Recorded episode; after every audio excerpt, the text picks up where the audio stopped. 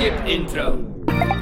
Welkom bij Skip Intro, de seriepodcast van Nederland. Wij loodsen je in deze podcast wekelijks door het grote aanbod op het kleine scherm en bespreken de meest spraakmakende, indrukwekkende, soms ook hopeloze series op de streamingdiensten.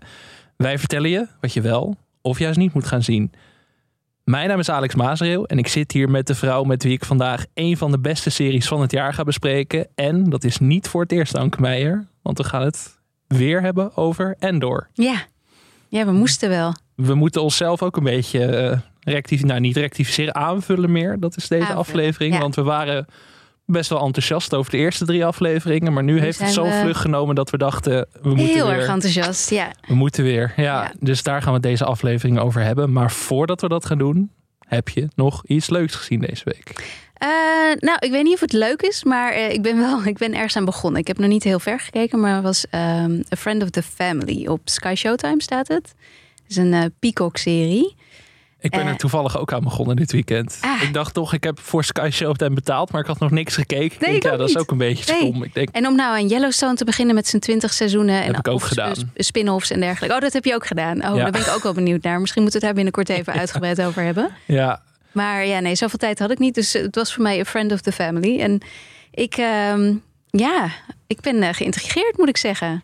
ja, want het is een waar gebeurd verhaal. Speelt zich af in de jaren zeventig Ja. volgens mij. En het gaat over een echt zo'n typisch conservatief Amerikaans gezin. Ja, volgens mij is het eh Latter-day Saints Church of the Latter-day Saints. Dus ehm Mormoonse kerk. Oh, Mormoons. Ja. Ik dacht echt, waar heb noemen- je het over? Maar ik heb laatst een, afle- of een, eh, een serie gezien. Ik, alles wat ik weet eh, over de wereld eh, leer ik uit series. ik heb laatst die serie met Andrew Garfield gezien, eh, die daar in die wereld dat was ook speelt. Mormoons. Ja, Ah. precies. Dus vandaar dat ik dacht, hé, hey, ze hebben het over dingen. Volgens mij herken ik het. En dit verhaal gaat er dan over dat de dochter van dat gezin Ja. wordt een soort van ontvoerd door de hele sympathiek Ja, ogende de buurman. charmante, de charmante buurman. Ja, de charmante buurman die ze eigenlijk groomt, het hele gezin. Dus die, die heeft zelf ook een, een, een vrouw en kinderen. En ze gaan allemaal leuke dingen met elkaar doen en zo. Maar die man die, die krijgt dan ja, wel iets te veel interesse in de, in de oudste dochter. En neemt haar dan mee op uitstapjes en paardrijden en dat soort dingen. En dan op een gegeven moment eh, ontvoert hij er ook. Eh, en het gekke van dit verhaal, want ik ben nog niet zo ver, maar wat ik dus heb gelezen, is het, het meest absurde van dit verhaal is dat dit dus meerdere malen is gebeurd. En Mhm. dat het iedere keer weet hij, maar ook zijn vrouw weten het allemaal weer zo recht te praten dat, ja, dat er dus niks gebeurde. En dat het meisje dus keer op keer door hem weer meegenomen Het is werd. bizar hoe die ouders gemanipuleerd worden. Ja. Je zit ook echt te schreeuwen naar je tv van bel de politie gewoon of zo. Ja. Maar dan weet inderdaad de, die buurvrouw weet het dan net zo te draaien van nee, dat, is ook zwaar. En je wil hem ook niet laten opdraaien voor iets wat hij misschien niet Ja, eens dan neemt ze gedaan de man heeft. weer in, in, in verdedigen. Of dan verdedigt ze hem weer. Of dan, dan praat ze het weer een beetje recht. Het, maar het is, zo, het is zo bizar. En dat als ouder zit je er ook naar te kijken en denk je... oh ja, ja, nee, nooit mijn kind alleen laten met een andere volwassene. Maakt niet uit hoe leuk, aardig en charmant die ook is. Maar het is wel echt goed gedaan. Die Ja. manipulatie wordt wel heel erg slim gedaan. Dat je bijna in jezelf... Ik, kijk, ik vond vanaf het begin al wel een creep. Maar ik snap wel dat die mensen ervoor vielen. Want En het is ook een creep waarvan je weet dat het een creep is. Ja. En het, hij wordt ook gespeeld door Jake Lacey... die ook in The White Lotus het eerste seizoen zat. Ja. En hij is daar ook wel heel erg goed in. hij was dat rijke luiszoontje. Ja, en daarin was ja. hij ook al wel dat je denkt, oef, je bent toch wel best wel naar. Dus ik, eh, ja, nee, ik, ik, ik ben erg benieuwd eh, hoe het verder gaat. En, en vooral ook omdat er iets met aliens. En ik weet niet, de, The Guardian had het. de- Oh, daar ben ik nog niet. nee, The Guardian noemt het the most jaw-droppingly incredible true crime story there is. Dus dit, dat was voor mij een reden om, eh, om te En wel kijken. wat wel grappig is, we hebben het vaak gehad over true crime en de, nou ja, de morele kant daarvan. Precies, ja. Deze serie wordt ingeleid door de moeder zelf. Ja, het Of slachtoffer. Het Nee, slachtoffer, ja, het slachtoffer meisje. bedoel ik. Die is ja. nu al oud. Ja, nee, sorry, ja, Ja. De, de, het slachtoffer Maar zelf. de moeder schijnt er ook aan meegewerkt te hebben. ja, Ja, ja, dus die dit heeft is- er aan mee, daar heb ik een interview mee gelezen, dus dat haal ik nu door Ja. elkaar. Maar inderdaad, dat toont wel aan dat de familie er echt bij Ja. betrokken was. En dat is dit ook best wel een andere- grappig. minder sensationele insteek heeft. Terwijl die familie er niet per se goed uitkomt. Nee, maar daarom is het ook een beetje een waarschuwing, denk ik. Ja, Dus het, wat zij in het begin zegt, is dat dit meer is van je denkt dat het jou niet kan overkomen, maar het is ons overkomen. En daarom moet je kijken. fascinerend wel. ja, fascinerend. Ik ga wel ja. doorkijken. Maar wel goed gemaakt, sowieso. Eh, wat ook fascinerend en goed gemaakt is, is een nieuwe Netflix-serie die vanaf vandaag online staat. 1899. Ja, nou daar ben ik zo benieuwd nieuwe naar. Netflix-serie van de makers van Dark. Ja. Een van mijn lievelingsseries op Netflix van de laatste jaren. Heel raar tijdreismysterie, heel veel gekkigheid. En er is een nieuwe serie. En dat speelt zich dus eh, af op een Europees migrantenschip dat naar Amerika vaart. In 1899. In 1899, spoiler. Ja. Ja. En eh, daar is Ja, die dus, verdwijnen, want ik heb dus alleen maar de trailer gezien. Maar dan opeens is, dan vinden ze het schip dobberend op zee en dan is Nee, ze iedereen vinden weg, een ander of- schip. Zeg maar, er is een, eerder, een paar maanden Oh. eerder is er een ander migrantenschip eh, verdwenen op zee. Oh. En zij stuiten daarop. En dan blijkt van dat alle passagiers verdwenen zijn. Oh, dan had ik het helemaal verkeerd uitgelegd in mijn nieuwsbrief. Zie je, de trailer was ontzettend eh, spannend, maar wel heel vaag. Dus blijkbaar. Ja, want dat is ook wat deze makers willen. ja, ja. Die willen het zo vaag mogelijk houden. Niet om de kijker te pesten. Ik heb ze toevallig gesproken voor de VPRO-gids Mhm. een tijdje geleden. Dus dat zullen we even in de show notes zetten, mocht je daarin geïnteresseerd zijn. En daarin zeggen altijd, ze ook Alex. van... Jouw stukken altijd. Dankjewel. Maar we willen niet de kijker pesten, maar we vinden het wel leuk om soms om geen verhaal van A tot Z te vertellen, maar soms een F voor een B te plaatsen en zo. Dat ze een beetje spelen met de chronologie en zo. En dat vind ik er dus heel tof Ja. aan. Leuk gezegd. Eh, Ik heb dus alleen de eerste drie afleveringen kunnen zien. Dat, het was wel veel opbouw en nog heel veel vaag mysterie waarvan ik nog niet helemaal wist wat ik ermee aan moest. Maar ja, ik ga vandaag zeker meteen verder kijken, denk En ik. heel veel verschillende talen ook, toch? Heel veel verschillende talen, want het is En dus een migrantenschip Dus- en het zijn echt allemaal talen door Ah, elkaar. En dat Dus, zeiden die dus niet makers dat je ook. dan een, eh, een, een Amerikaan hebt die eh, Duits moet Nee. spreken en dat je denkt, ah, heel veel acteurs die in hun eigen taal spreken. Dus Mooi. ik vroeg ook aan die regisseur en schrijver van... eh, hoe, doen, hoe deden jullie dat in vredesnaam? Maar dat deden ze allemaal met taalcoach en zo. Want ook in het script is dat best wel een uitdaging... om in twintig verschillende talen te schrijven. de makers zijn zelf Scandinavisch. Nee, de makers zijn zelf Duits. Dus eh, dat was een, eh, een pittige uitdaging voor ze. Ja. Maar het is wel echt een intrigerende serie. Dus wel een tip. Skip intro. Gaan we naar de luisteraarspost. We kregen onder meer een oproepje van Merlin in onze Facebookgroep. Die vroeg, wat gaan we recappen na The White Lotus? Ja, Ja, Anke. Daar spannend, maar eens antwoord op. nee, dat weten we nog niet. Nee, Maar ik heb wel, ik heb wel wat suggesties opgezocht, Alex. Oké, ik, ga, de- ik ga je alvast... eh, je gaat me verrassen, want ja. ik heb geen idee wat je gaat Nou ja, zeggen. ik ga het allemaal denk- afkraken nu. ik, denk dat je, ik denk dat je meteen ja zegt. Want eh, weet je wat eruit komt? Nieuwe seizoen van Emily in Paris. Ja, dan, dan moet mijn fee echt drastisch omhoog, hoor. Dat ga ja, nee, dat, dat ga ik niet Gaat doen. hem niet worden. Nee, nee. Gaat er niet worden. Nou, wat ook uitkomt in die tijd is His Dark Materials. Ik denk dat je dat misschien ook niet wil, want je bent niet zo'n fan. Niet Ik vind het wel tof, maar Mm. ja, ik heb het ons onlangs allemaal nog een beetje gekeken omdat ik eh, eh, interviews had met de cast. Maar jij moet ook wel enthousiast zijn. Dan heb je nog Slow Horses wat uitkomt. Ja, gaan we het in deze podcast sowieso ook over hebben. En we, wat ik zag, en dat is misschien wel de beste optie, is The Last of Us op eh, HBO Max. Maar dat is pas in januari. Het is van de maker van eh, Chernobyl. Ja, een gameverfilming ook. Dus Ja. dat eh, maakt wel nieuwsgierig in ieder geval. Post-apocalyptisch, dus Gezellig. ja. En daar hebben we echt zin in. Maar dat zijn een beetje de opties. Dus ik weet het echt niet. Ik weet het echt niet. Heb jij nog iets? eh, Het is vooral wachten op Succession. Het zou gewoon fijn zijn als ze dat naar voren halen voor ons eigenlijk. Speciaal voor ons, ja. Ja, dat wil ik bij deze even de oproep doen aan HBO. Van we willen Succession eerder dan jullie van plan zijn. Want het Nou, komt nu in de lente van 2023. Ja, dat is te ver weg. gewoon nu. Dat is te ver weg, ja. Maar ja, laten we vooral als jullie luisteraars nog een leuke optie hebben. Of als jullie zeggen die, die ik net genoemd heb. Emily in Paris moet. Misschien als er heel veel mensen, dan doen we het nog niet. Ja, ofwel. Nee. Wel een democratie. Nee. Nee, gewoon een dictatuur. Wij bepalen alles. Ja. Eh, Gert-Jan die wilde het toch nog even hebben over het Sinterklaasjournaal. Ja. En dan met name over de schokkende ontwikkelingen. Ja, ik, eh, Sinterklaasjournaal watcher slash duider Anke Meijer. ja ik, ik moet wel zeggen dat ik hem met eh, één oog kijk en met het andere oog op mijn kinderen aan het letten ben. Want dan is de een aan het, e- de, de kleinste aan het eten en de oudste is het Sinterklaasjournaal aan het kijken. En het, re- redelijk in paniek aan het raken, inderdaad, over wat er allemaal gebeurt. Maar hoe ging dat met, met, Met de zinkende zink- boot? Met de zinkende Ja. boot? Ja, dat was. nou, hij keek met grote ogen en hij vond het ook wel weer heel erg spannend.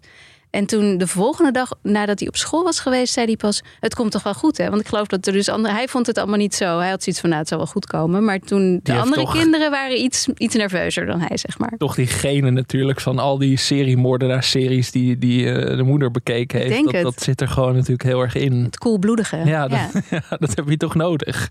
Maar het is toch ook juist wel goed dat je meteen dan... Je wordt voorbereid op eh, Ja, de hardheid van de wereld. dat hij nu al weet hoe, eh, hoe spannend. Nou ja, al die series, die kinderseries zijn allemaal best spannend hoor, sommige. Dus eh, wat dat betreft is hij echt wel wat gewend.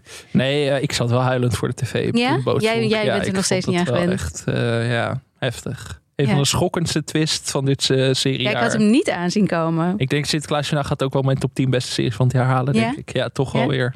Maar ik hoorde dat je wel een leuk plan had. Je, heb je al in je andere podcast besproken. Ja, heb ik in televisie over gehad. Dat ik vind dat er een 16-plus editie van Sinterklaasjournaal en, moet en komen. wat zou daar dan in gebeuren? Horror? Om meer horror, zeg maar. Wat Er is in toch een horrorfilm 1899 is met, eh, die boot. Dat wil ik ook. of Sinterklaas. Ja, zoiets. Gewoon ergens ter hoogte van Frankrijk. eh, Maar dan wel met Diewertje Blok. Zeg maar dat je dat wel, dat je wel het beste van twee werelden met haar gebreide truien. Ja. Ja, dat lijkt me ook wel leuk. Ja, Dus ja, dat, kunnen ze doen. Voor, om ons te please. Dan gaan we dat recappen. Als dat gebeurt, gaan we het elke dag recappen. Dan gaan we hier gewoon beloofd. zitten. Ja. Beloofd. Skip intro.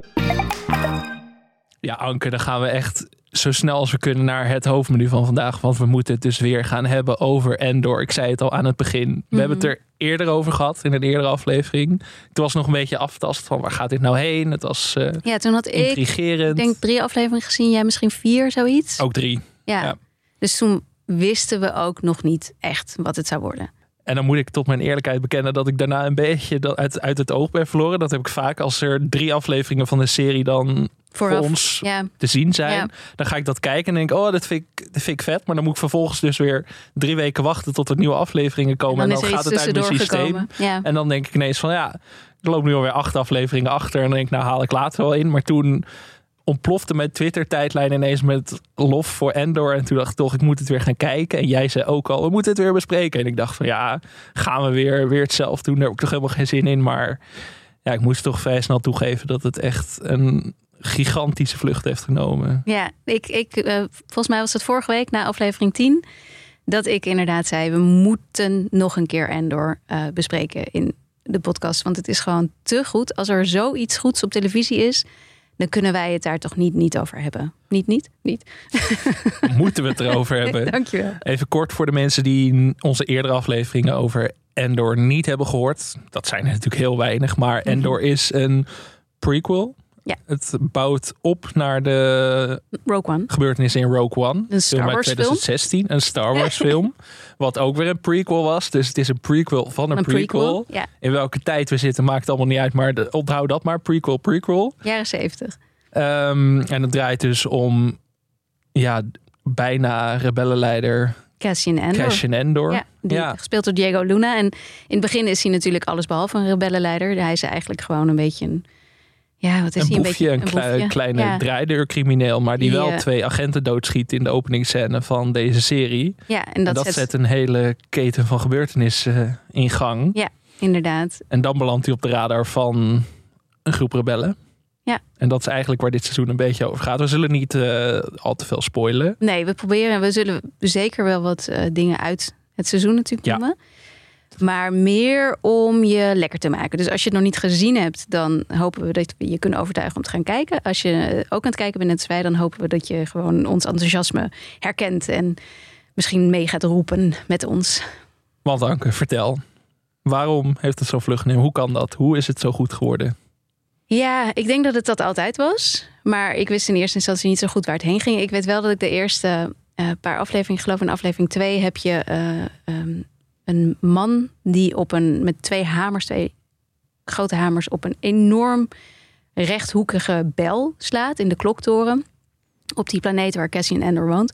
En dat vond ik op een of andere manier was dat wakkerde dat al iets in mij aan. Dat ik dacht, wat een interessante scène. Waarom? Waarom? Weet je, dus dit is de manier waarop deze mensen iedere dag worden wakker gemaakt.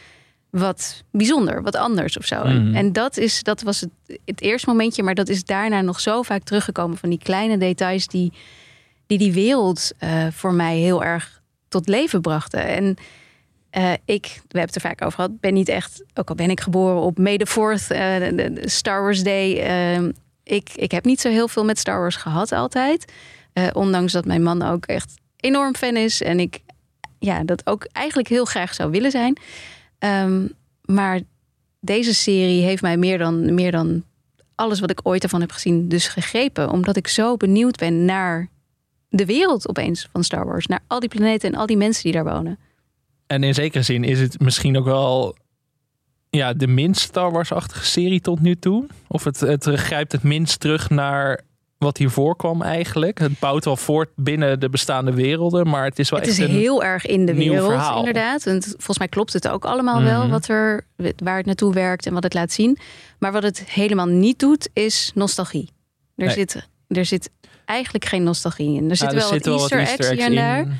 Maar daar draait het niet om. Terwijl al die andere Star Wars series tot nu toe, die gingen heel erg om die nostalgie. Die gingen heel erg om, kijk hier heb je een baby Yoda. Of daar komt Luke. Of, en dat, dat staan ze allemaal dezelfde serie waar ik het nu over heb. Maar het is in ieder geval allemaal al die dingen die je al kent. En dat nog een keer in een, in een, ja, in een ander pakje stoppen of zo. En Ja, maar wat ik er zo vet aan vind, is dat het op sommige momenten meer een politiek drama bijna wordt. Of nou dat dat er heel erg in zit. En dus een soort rebellenserie. Dat dat echt. Ja, dat, er wordt echt een verzet gevormd. En dat, Ja. dat wordt ook echt, zeg maar, dat, dat krijgt heel veel lading. En je snapt gewoon veel meer waar het volk onder te lijden heeft in zo'n erg. empire. En dat Ja. hebben ze eerder, is dat nog niet echt goed gelukt. Nou, bij mij in ieder geval niet. Want ik heb echt wel veel gezien hoor. Ook al viel ik wel eens af en toe in slaap. Ik heb echt wel veel gezien in al die jaren dat ik nu met, mijn, eh, met mijn man ben. En eh, eh, wat mij nooit, maar dan ook nooit gelukt is, is te begrijpen wat het nou precies allemaal was. Ik snapte wel dat Darth Vader was de bad guy. En die was de bad guy. En de mensen in de witte pakken waren de bad guys. Maar ik, ik, ik wist nooit zo goed ja, wat ze dan precies deden of zo. Behalve dat ze de macht hadden. Maar wat betekende dat? En door Andor snap ik wat die macht en wat de Empire en hoe, hoe, hoe, hoe dat in elkaar zat. En hoe het was om te leven onder het juk van dit regime. En hoe vreselijk dat eigenlijk was. Hoe, hoe onderdrukkend en hoe, hoe ja, willekeurig bruut ook eigenlijk. Dat maakt niet uit aan welke kant je, je stond. Je, ik, ik praat erover alsof het echt geschiedenis was. Maar soms voelt het ook wel een beetje... Het is Nou, er natuurlijk ook zitten heel erg natuurlijk heel veel gebaseerd. parallellen in met eh, de Tweede Wereldoorlog. Ja, precies. En met de nazi's en fascisme en al die dingen. Dus het is ook wel logisch dat het dan dat allemaal bij mij oproept. Maar eh, het, het is voor mij nu pas dat je, dat je inderdaad ziet van... maakt niet uit aan welke kant je stond. Of je nou goed, nou ja, goed of, je nou gewoon daar probeerde te leven. Of je eh, je deed, of je verzette je, of je eh, ging mee in die hele structuur om te overleven. Maakt niet uit als je iets verkeerd deed, of zelfs al deed je het goed, dan kon je zo opgehangen worden, bij wijze van spreken. En dat, dat, ik, dat wist ik niet van het Empire. Nee, en dat maakt deze serie heel mooi duidelijk. En wat jij net al zei, die kleine momenten tussendoor die zo'n wereld kleur geven, Ja. letterlijk en figuurlijk. Dat is ook wel knap dat ze dat gedaan hebben. Ik had, denk dat ze dat in eerdere gevallen eruit hadden ge, eruit zouden snijden in heel veel van dit soort franchise-producties. Maar de maker eh, Tony Gilroy, die heeft ook gezegd van, zeker in films en zo heb je nooit ruimte om dat soort scènes aan toe te voegen. Die worden er als eerste uitgeschrapt. Ja, ja, ja, ja. En hier heb je daar natuurlijk, omdat het tv is, iets meer ruimte voor. En ik heb het idee dat ze heel veel creatieve vrijheid hebben gekregen voor deze serie. ja, dat lijkt er wel op, ja. En dat is ook wel fascinerend, want... Het is ehm, vreselijk bijzonder dat dit een Star Wars serie is. ja, eigenlijk wel. Want zeker als je het vergelijkt met Marvel-series of zo, waar de creatieve vrijheid heel erg beperkt is. We hebben het vaker gehad over WandaVision. Dat begon als een hele creatieve, En toen, interessante serie. En toen weer terug in die Marvel. ja, ja, mal werd vorm, gedrukt, Ja. En dat voor die, al die Marvel-series die erna kwamen, v- zaten allemaal een beetje in diezelfde formule. En de een werkte beter dan de ander. En voor Star Wars was ik daar ook bang voor. Mandalorian was natuurlijk een mega hit, maar Maar wel heel speelde wel echt de greatest toch? hits Ja. in zekere zin. Wat ook natuurlijk heel leuk is. En zeker voor. Oh, ik vond de Mandalorian ook een prima Ja. serie. Maar dit, dit tilt het echt naar een hoger niveau. En dat komt vooral ook door het script, volgens mij. Ja, nou ja, wat ik in interviews heb gelezen is dat Tony Gilroy zichzelf geen Star Wars fan, fan noemt. Dus hij zegt ook niet dat hij geen fan is. Maar hij gaat niet zo ver als ik. Maar hij is geen fan-fan. En dat maakt volgens mij het verschil. Dat zorgt ervoor dat je, dat je zoiets kunt gaan maken zonder dat je de hele tijd bezig bent met. ehm, wat willen de fans? Of, of eh, wat wil ik zelf terugzien uit, uit mijn favoriete films van vroeger? Of, en ik, denk dat dat, ik denk echt dat het alles scheelt. Dat hij gewoon iets is gaan maken wat hij zelf interessant vindt. En in dit geval echte mensen.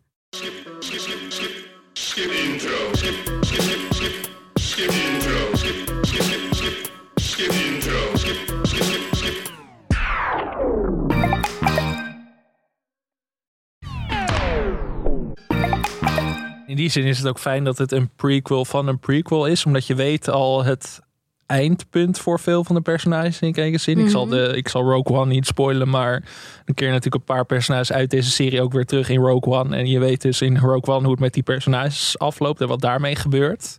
Dat is ook wel lekker, want dan hoef je niet, dan neem je een soort spanning weg, maar je kunt wel om die personages heen heel veel nieuwe spanning creëren. Als je Ja, dat is bedoel. eigenlijk wel weer grappig, want we hebben het natuurlijk heel veel over prequels gehad de Ja. laatste tijd. Want eigenlijk alle blockbusters van deze herfst waren, zijn prequels. Ja, En, en bij een House of the Dragon had ik dan weer juist dat ik dat een beetje een minpuntje vond. Ja, maar waar zit dat verschil dan in? Want eh, ik, ik ben natuurlijk Better Call Saul is natuurlijk mijn, mijn lievelingsserie van dit jaar. Mhm. En dat, daar wist je van heel veel personages ook hoe het zou aflopen. Omdat dat een prequel was van Breaking Bad. En dat stoorde mij nooit. Omdat, ik ga nu een enorm cliché gebruiken. Maar de weg er naartoe kan soms veel interessanter zijn dan de bestemming. Mhm. En dat geldt voor Endor in dit geval ook. Ja, nou ja, dat is omdat die, Cassian Andor in Rogue One is hij, is hij een rebel. En doet hij dat wat hij moet doen.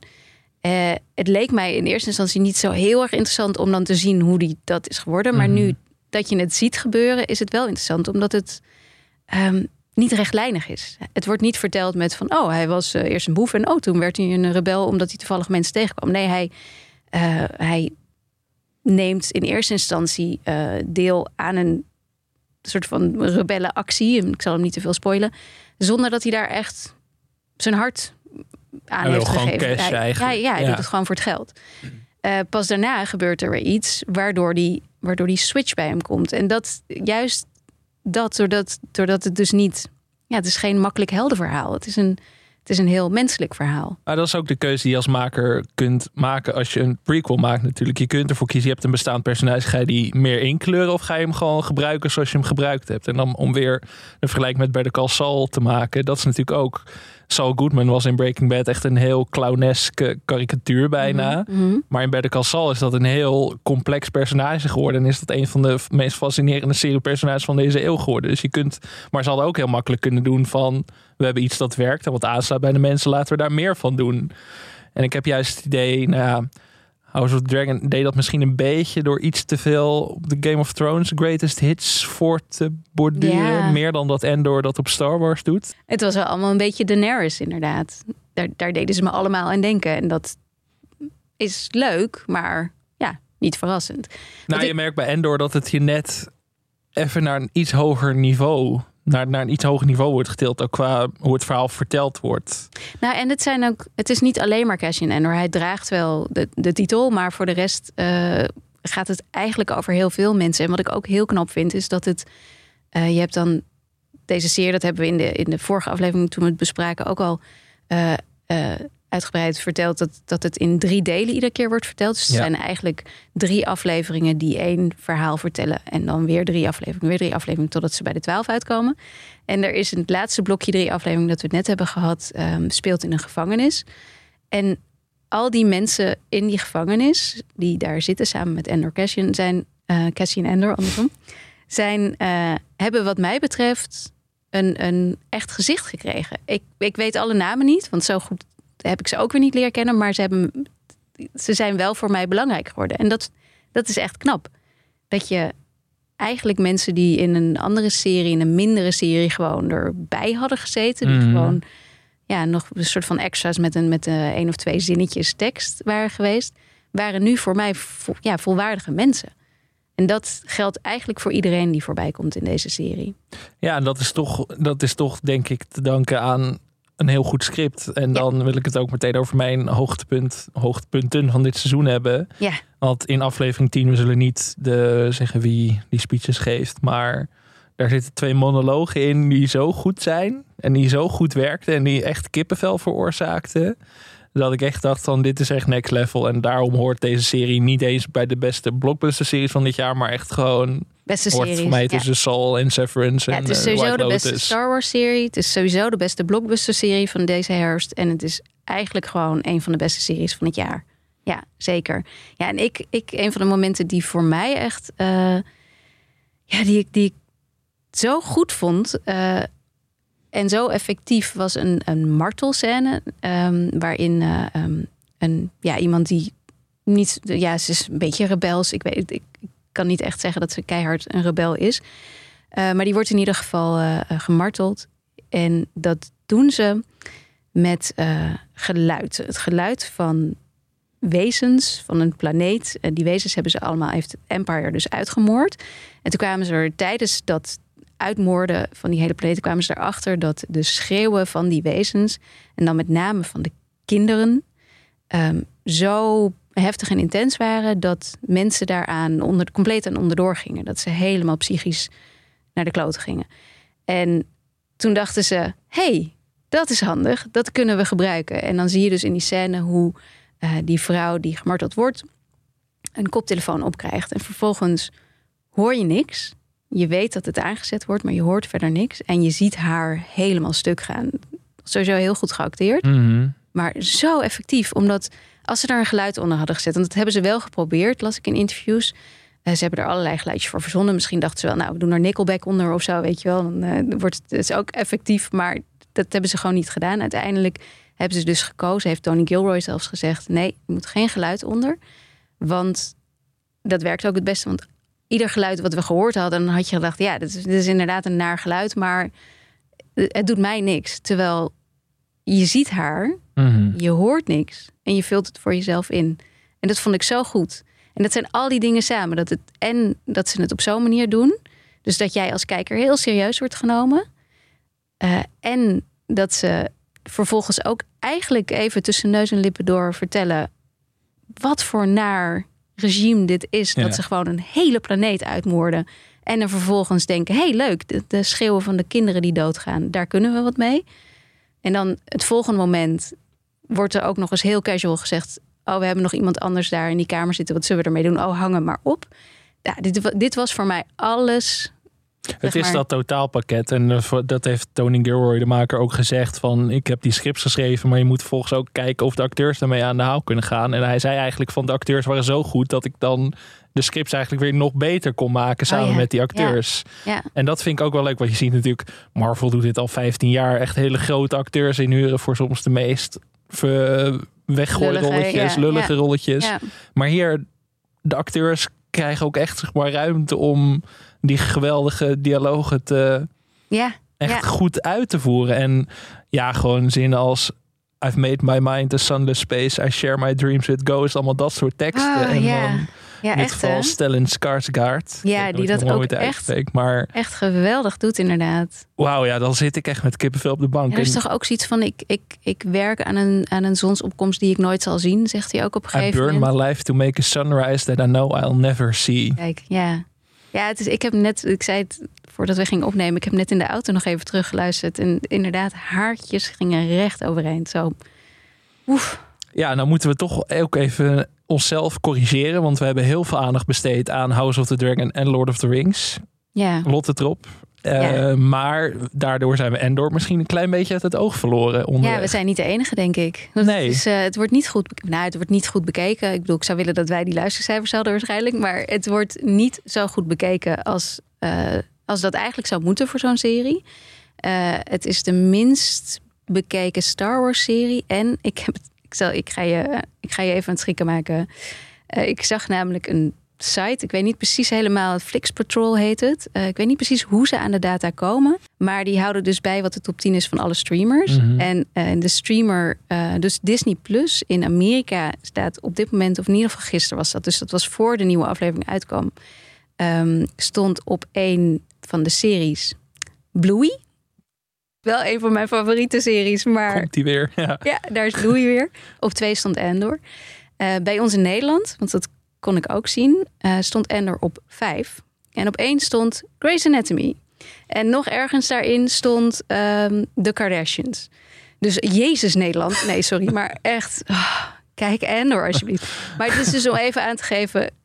Het, het wordt niet heel erg goed bekeken. Al die mensen die lekker de Kardashians willen kijken vanavond, die worden nu weer in Afgestraft door mij, Afgestraft door jou en terecht ook trouwens. Maar ik, had ik heb mezelf al snoep genoemd, dus ik kan het gewoon met een gerust hart zeggen. Maar ja, dat is wel grappig, want na aflevering 10 ging het dus echt in mijn Twitter-tijdlijn leven. Maar dat is niet representatief voor de rest van de wereld, helaas. Maar Nee.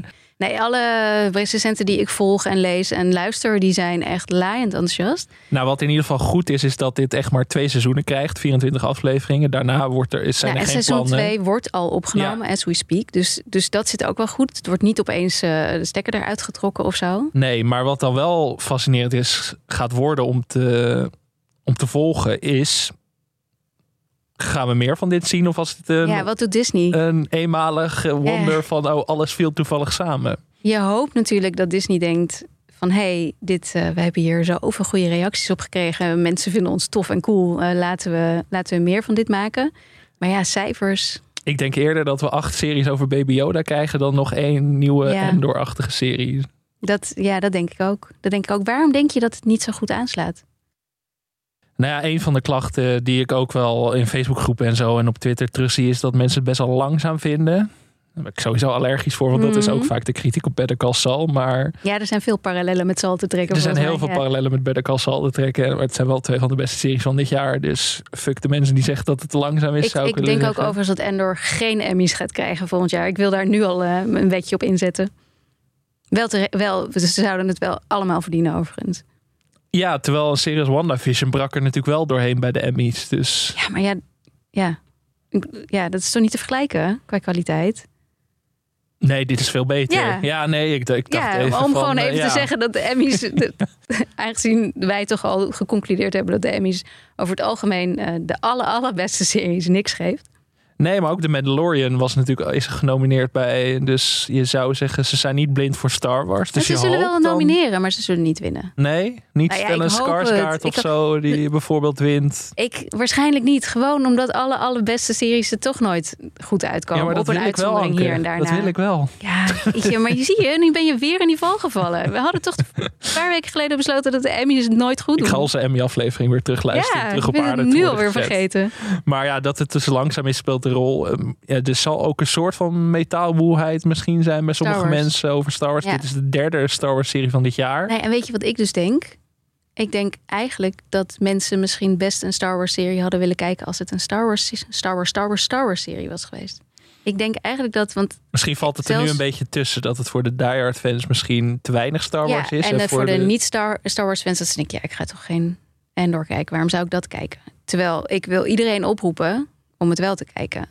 Want eh, ja, er, er- je hoeft geen Jedi of, of eh, Yoda te zien. Maakt niet uit dat er geen stormtroopers zijn. Als je ik, weet ik, iets ik van persoonlijk vind dat weet. heel fijn. Ja, Ik vind dat prettig. Maar ik denk ook, ik heb er ook wel vertrouwen in. Want ik denk wel dat seizoen 2 wel meer Star Warsy wordt. Omdat het gaat toewerken naar Rogue One. Dus dat kan bijna niet anders. Ja, misschien dat ik dan afhaak. Maar eigenlijk met deze schrijvers kan ik me ook weer niet helemaal voorstellen. Nee, dat denk ik ook. Nou, het is gewoon een van de beste series van dit jaar. Die conclusie kunnen we trekken. We hebben nog wel twee afleveringen te gaan. Ik bedoel, ik, ik heb die van eh, die sinds woensdag eh, eh, te zien is nog niet kunnen bekijken. En volgende week komt dus de allerlaatste aflevering. Wie weet.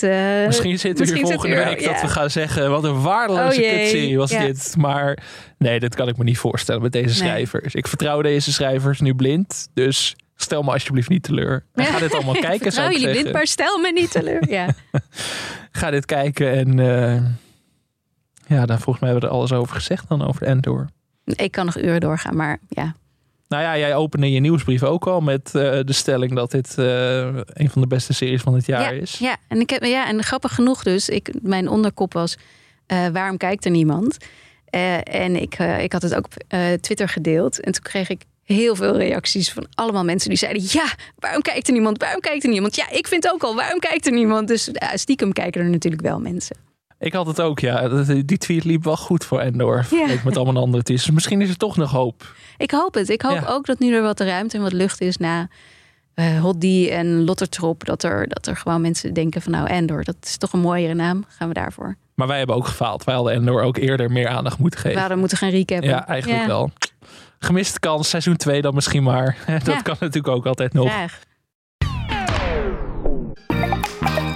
Ik had het net al even over jouw nieuwsbrief, Anke. Ja. Geen nieuwe deze week, maar wel dus week. over Endor. Ja, Vorige week. teruglezen. Ja. Eh, link zoals altijd in de beschrijving. Daarin staat ook een link naar onze Facebookpagina. ja, kom er gezellig bij. Het is echt heel leuk. gaat echt hard. Ja. Het, het leeft onder de mensen. Mensen mogen nog meer van zich laten horen als het aan mij ligt. Ja, je kunt daar ook echt wel leuke tips. Mensen zijn echt eh, wat ze zelf hebben gezien of wat ze gaan kijken of waar ze benieuwd naar zijn. Het is echt heel leuk. Eh, maar als je denkt van Facebook, daar moet ik niks van hebben. Twitter en Instagram, skipintro.nl, daar mag je ook altijd van je laten horen. En ook ons gaan volgen natuurlijk. Zeker. Liever in die volgorde. Eerst volgen, dan wat laten horen. Oh ja. Voor wat hoort wat. Ja. Dan was het er voor deze week, Anke. Maandag zijn we er weer met aflevering 4 van The White Lotus, seizoen Ja. 2. Leuk. Heel veel zin in. Want het gaat als een malle. Ik hoorde net dat jij Endor zelfs beter vindt dan The White Lotus. Daar ben ik nog niet helemaal over uit. Ja, dat komt, maar dat heb ik ook gezegd omdat ik nog niet echt helemaal bij ben met The White Lotus. Dat, dat is nog geen appointment TV voor mij. Ik zit niet maandagavond klaar om The White Lotus te Stelt me kijken. een beetje teleur, moet ik eerlijk Ja, zeggen. sorry. Ja. maar dat komt gewoon. Ik was ook wel te druk. Maar Endor moet. White sta ik er tegenover. Oké. Ja. Eh, Ik, maar ik moet nog even inhalen. Maar ik vind het hartstikke leuk hoor. Ik vind het hartstikke leuk. En dan moet je ook de recaps. Dat- Die luister je dan ook niet? Of Ja, nee, die wel moet ik dan terug. Nee, want dan word ik gespoild. Dus dat Ja, kan niet. dus ik, ik eh, moet, maar ik heb nu iets meer ruimte. Want ik Ga heb je alles. horen volgende week, hè? dat weet je. Oké, ik ga kijken en luisteren. Wat we sowieso volgende week gaan doen. Een aflevering over Thanksgiving. Ja, de Thanksgiving episode. Amerikaans. Maar dat zijn wij gewoon. Ja. Dat doen wij gewoon. Hey, wij vieren thuis Thanksgiving hoor. Ja? Ja, mijn oudste is geboren. Die heeft een Amerikaans paspoort. Die is geboren in New York. Dus we moeten wel. Nee, we moeten niks. Maar het is leuk. En dan zegt hij ja, kip. Want kalkoen is veel te moeilijk. Dus dat doen we niet. Ik ben heel benieuwd. volgende week de Thanksgiving special. Ja. Tot dan, Anke. Tot dan.